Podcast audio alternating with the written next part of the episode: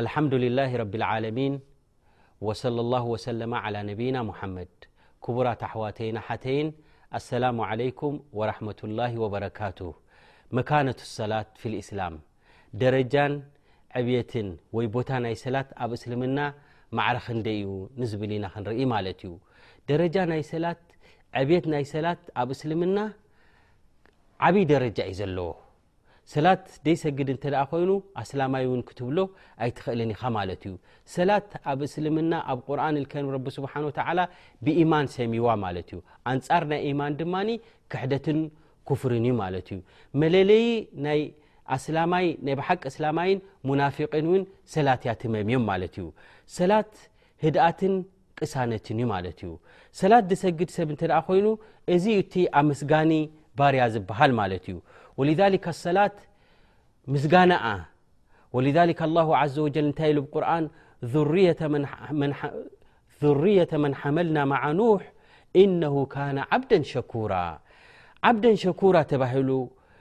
نوح عليه السلام بمنتي بسلاة مالت ي ولذلك النبي عليه الصلاة والسلام كما في الصحيحين عن عائشة رضي الله عنها النبي عليه السلاة والسلام سلاة نوحم ابليت نويح سجيم ብምሕር ምንዋሕቲ ሰላት እግሮም ሓቢጡ ነቢ ለ ሰላት ወሰላም ስትና ዓይሻ ትብሎም ያ ረሱሉላ ኢላቶም ንምንታይ ከምዚ ኢልካ ዝያዳ ትደክም ኣለኻ ረቢ ስብሓን ወተላ ናይ ዝመፅእን ናይ ዝሓለፈን ዘንብኻዶ ኣይቀፈረልካን እዩ ኣይመሓረካን እዩ ኢላ ንረሱል ለ ሰላ ወሰላም ጠይቃቶም ፈነቢ ለ ሰላ ወሰላም እንታይ ኢሎሞ ያ ዓይሻ ኢሎማ ኣፈላ ኡሕቡ ኣን ኣኩነ ዓብደን ሸኩራ ኣመስጋኒ ባርያ ክኸውንዶ ኣይግብኣንን እዩ ኣመስጋኒ ባርያ ክኸውን ዶኒ የብለይን እዩ ስለዚ ኣነ ኣመስጋኒ ባርያ ክኸውን እተ ኮይነ ሰላት ከብዛሕ ኣለኒ ኢሎማ ማለት እዮም እዘን ሰላት ሽኩር ልላ ዘ ወጀል እዩ ወልሊክ ሰላት ዓውን እዩ ሓገዝ እዩ ደገፍ እዩ እተ ደገፍ ደሊኻ ካብ ረቢ ስብሓን ወተዓላ ናብ ሰላት ጉየ ኢኻ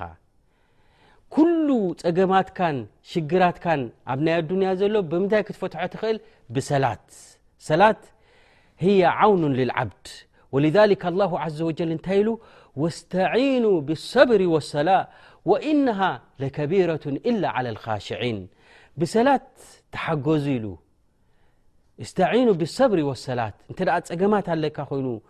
ኣዱንያ ኩላ ግዜ ብዙሕ ፀገማት እዩ ዘጋጥመካ ብዙሕ ዕንቅፋት ከጋጥመካ ይኽእል እዩ ነዚ ፀገማትካ ዚ ብሰላት ጌርካ ፍትሓዮ ካ ሰላት መፍትሒት እያ ማለት እዩ ሰላት ደገፍ ሓገዝ እያ ወልክ ብዙሕ ፀገማትን ሽግራትን ዘለዎም ሰባት ኣብ ምንታይ ክጎዩ ትሪኦም ማለት እዩ ኣብ ሰላት ኣን ላ ዘ ወጀል እስተዒኑ ብሰላት ኢሉ ማለት እዩ ብሰብሪ ወሰላት ኢሉ እዘን እስትዓና ሓገዝ እተ ደሊኻ ብሰላት ተሓገዝ ኢኻ ማለት እዩ ወልሊ ካብቶም ዓበይቲ ዑለማ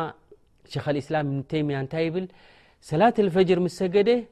ኮፍ ኢሉ ዚክር ይገብር ነይሩ ክሳብ ፀሓይ ትወፅእ ብድሕሪኡ ድማ ሰላት ይሰግድ ሰላት ዱሓ ሰላት እሽራቅ ይሰግድ ሕጂ እንታይ ኢሉ ሃ غድወት ኢሉ እዚ ናይ ብሓቂ ናተይ ስንቂ ኢሉ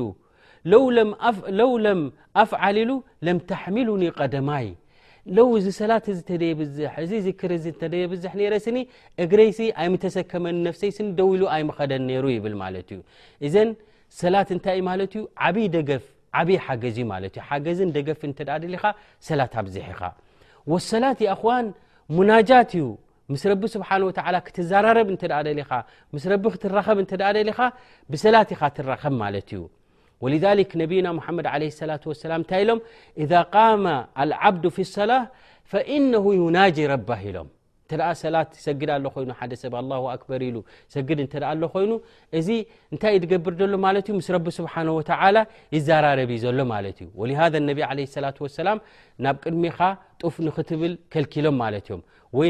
ናብ ጎንኻ ወይ ናብ ፀጋምካ ወይ ድማ መንዲል ኣውፅኻ እቲ ዘለካ ክትሰድድ እዩ ዘለካ ማለት እዩ ምክንያቱ ፈኣንታ ቱናጅ ላ ዘ ወጀል ምስ ረቢ ኢኻ ትራኸብ ዘለኻ ማለት እዩ ምስ ረቢ ክትቀራረብ እንተ ደሊኻ ናብ ረቢ ዘቕርበካ ስራሕ እንታይ እዩ ተባሂሉ ህወ ሰላት ወልሊክ ረቡና ዘ ወጀል እንታይ ኢሉ ዓብደን እዛ ሰላ ኢሉ ብድሕሪኣ እንታይ ኢሉ ከላ ላ ትጢዕሁ ወስጁድ ወቅተሪብ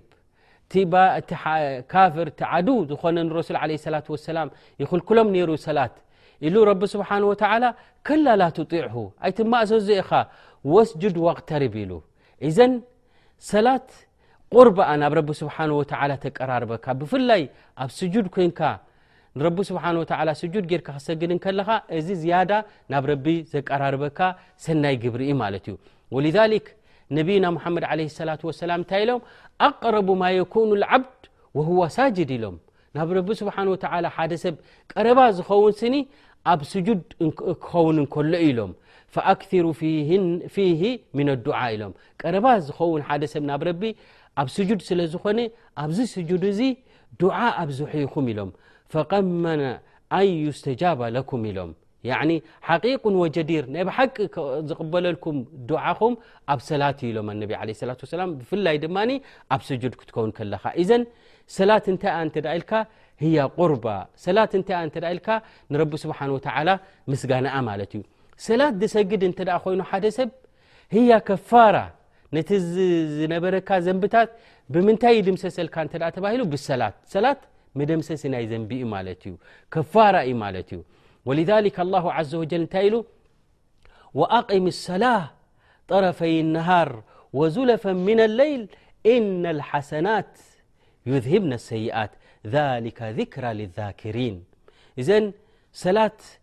ንጎን ምሸትን ኣብዝሕ ኢኻ ሰላት ኣብ ኩሉ ወቅትኻ ካብ ሰላት ኣይትፈለ ኢኻ ሓሙሽተ ወቅቲ ጥራሕ ሰጊደ እውን ኢልካ ይተብቅዕኻ በል ነዋፍል ኣብዝሕ ኢኻ ምክንያቱ ኩለማ ሰላት ኣብዚሕካ ሓሰናት ይበዝሓልካ ኣሎ ሓሰናት እንተ በዚሖ ድማ ዩዝሂብ ነሰይኣት ነቲ ዘንብታት እንታይ ይገብረልካ ኣሎ ማለት እዩ ይድምስሰልካ ኣሎ ማለት እዩ ይሓፅበልካ ኣሎ እዘን ብሰላት እንታይ ይኸውን ኣሎ ማለት እዩ ዝነበረካ ዘንቢ ይድምሰሰልካ ማለት እዩ ዘንቢ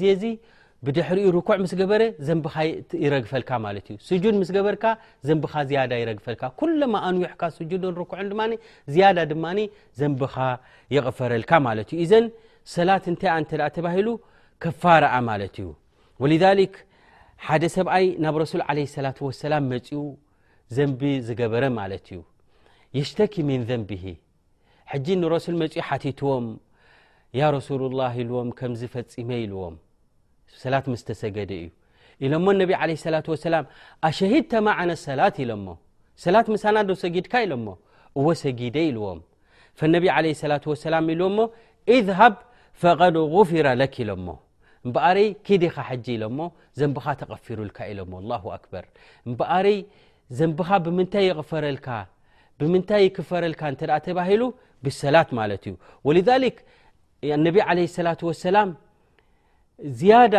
ብምሳሌ ገይሮም ስለ ዘብርህልና ምሳሌ ናይ ሰላት ሂቦምና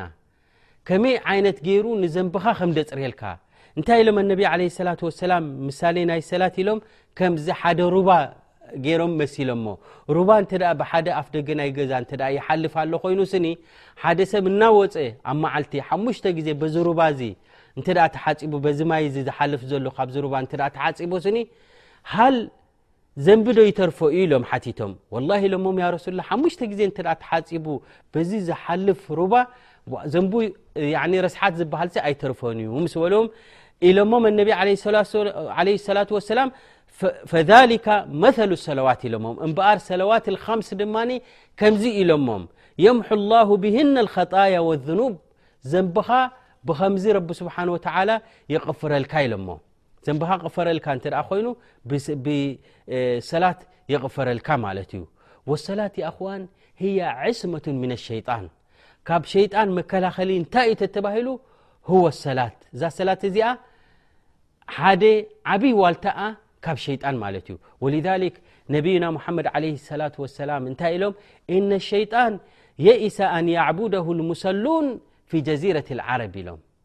ሕጂ ርኢኻ ተስፋ ቆሪፁ ሸይጣን ማለት እዩ እቶም ሰገድቲ ዝኾኑ ስኒ ዕባዳ ንዓይሲ ኣይገብሩለይን እዮም እዚኣቶም ኣብ ዕባዳ ናብ ቐይሩላ ስኒ ኣይወድቁን እዮም ኢሉ ካብቶም ሰገድቲ ዝተስፋ ቆሪፁ ኢሎም እዘን ህያ ዕስማ ሚነ ሸይጣን ካብ ሸይጣን ትሕልወካላ ማለት እዩ ሰላት ይኣኽዋን ህያ ኑር ብርሃን እያ ሰላት ከማ ቃል ለ ሰላት ወሰላም ወሰላቱ ኑር ኢሎም ሰላት ብርሃን እያ ኢሎም ዝዓበየ ስራሕ እንታይ እዩ ተተባሂሉ ንሕና ክንግደሰሉ ዘለና ሰላት እዩ ሰላት ብርሃን እዩ ሰላት ዝዓበየ ተግባር ዝዓበየ ስራሕ እዩ ማለት እዩ እነ ፊ ሰላት ለሽغለን ኢሎም እቲ ዝያዳ ከሻቀለካ ዘለዎ ዝያዳ ክትግደሰሉ ዘለካ ዝያዳ ዓብይ ናተይ ስራሕ ኢልካ ክትሕዞ ዘለካ እንታይ እዩ ተተባሂሉ ሰላት እዩ ሰላት እንተ ዝሰግድ ኮይኑ እውን ዘንቢ ይቕፈረሉ ምዃኑ ዝያዳ ዘብሪ ሓዲ ኣለና ኣነቢ ለ ላ ሰላም ሓደ እዋን ሰለባ መፅዎም ሕጂ ነቲ ድመፀ ይውዝዕዎ ነይሮም ማለት እዮም ሕጂ እንዳካፈልዎ ከለዉ ሓደ እንታይ ኢልዎም ንረሱል ለ ላ ሰላም እዕድልያ ሙሓመድ ኢልዎም ዓብይ ዘረባ እዩዙ ዓብይ ድፍረት እዩ ንረሱል ዓለ ሰላት ወሰላም ፍትሒ ግበር ኢልዎም ንረሱል ዓለ ሰላት ወሰላም እዚ ኣብ መቓቕላ ዝትገብሮ ዘለኻ ስኒ ትኽክል ኣይኮነን ኢልዎም ላኢላሃ ኢለ ላ ለ ላ ለ ወሰለም ከምኡ ምስ በሎም ንረሱል ዓለ ሰላት ወሰላም ሰሓባ ተቆጢዖም ኢሎሞም ያ ረሱሉ ላህ ኢልዎም ሓደ እዚ ከምዚ ኢሉ ድፍረት ዘለዎ ስኒ ዳዕኒ ኣቕትሉ ኢልዎም እዚ ክቐተል ዝግብኦ ሰብ ዩ ኢሎሞ ፈነቢ ዓለ ሰላት ወሰላም ኢሎሞ ዳዕኹ ኢሎሞ ግደፎ ኢሎሞ ለዓለሁ ኣን የኩና ዩሰሊ ኢሎሞ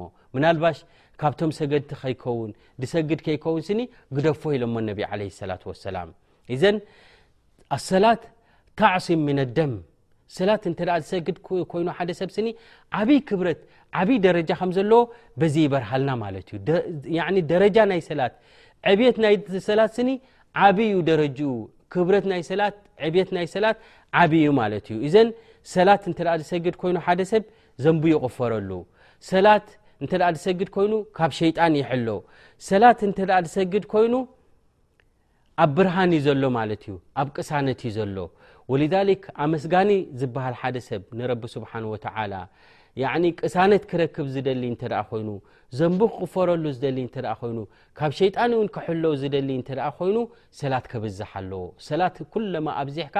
ኩለማ ናብ ረቢ ስብሓን ወተዓላ ዝቐረብ ከኣኻ ትኸውን ማለት እዩ ኩለማ ምስ ረቢ ስብሓን ወተላ ዘለካ ጉዳይካ ከተቐርብ እተ ትደሊ እተ ኮንካ ብሰላት ኢኻ ናብ ረቢ ስብሓን ወተላ ክትቀራረብ ትኽእል ማለት እዩ እሞ ሰላት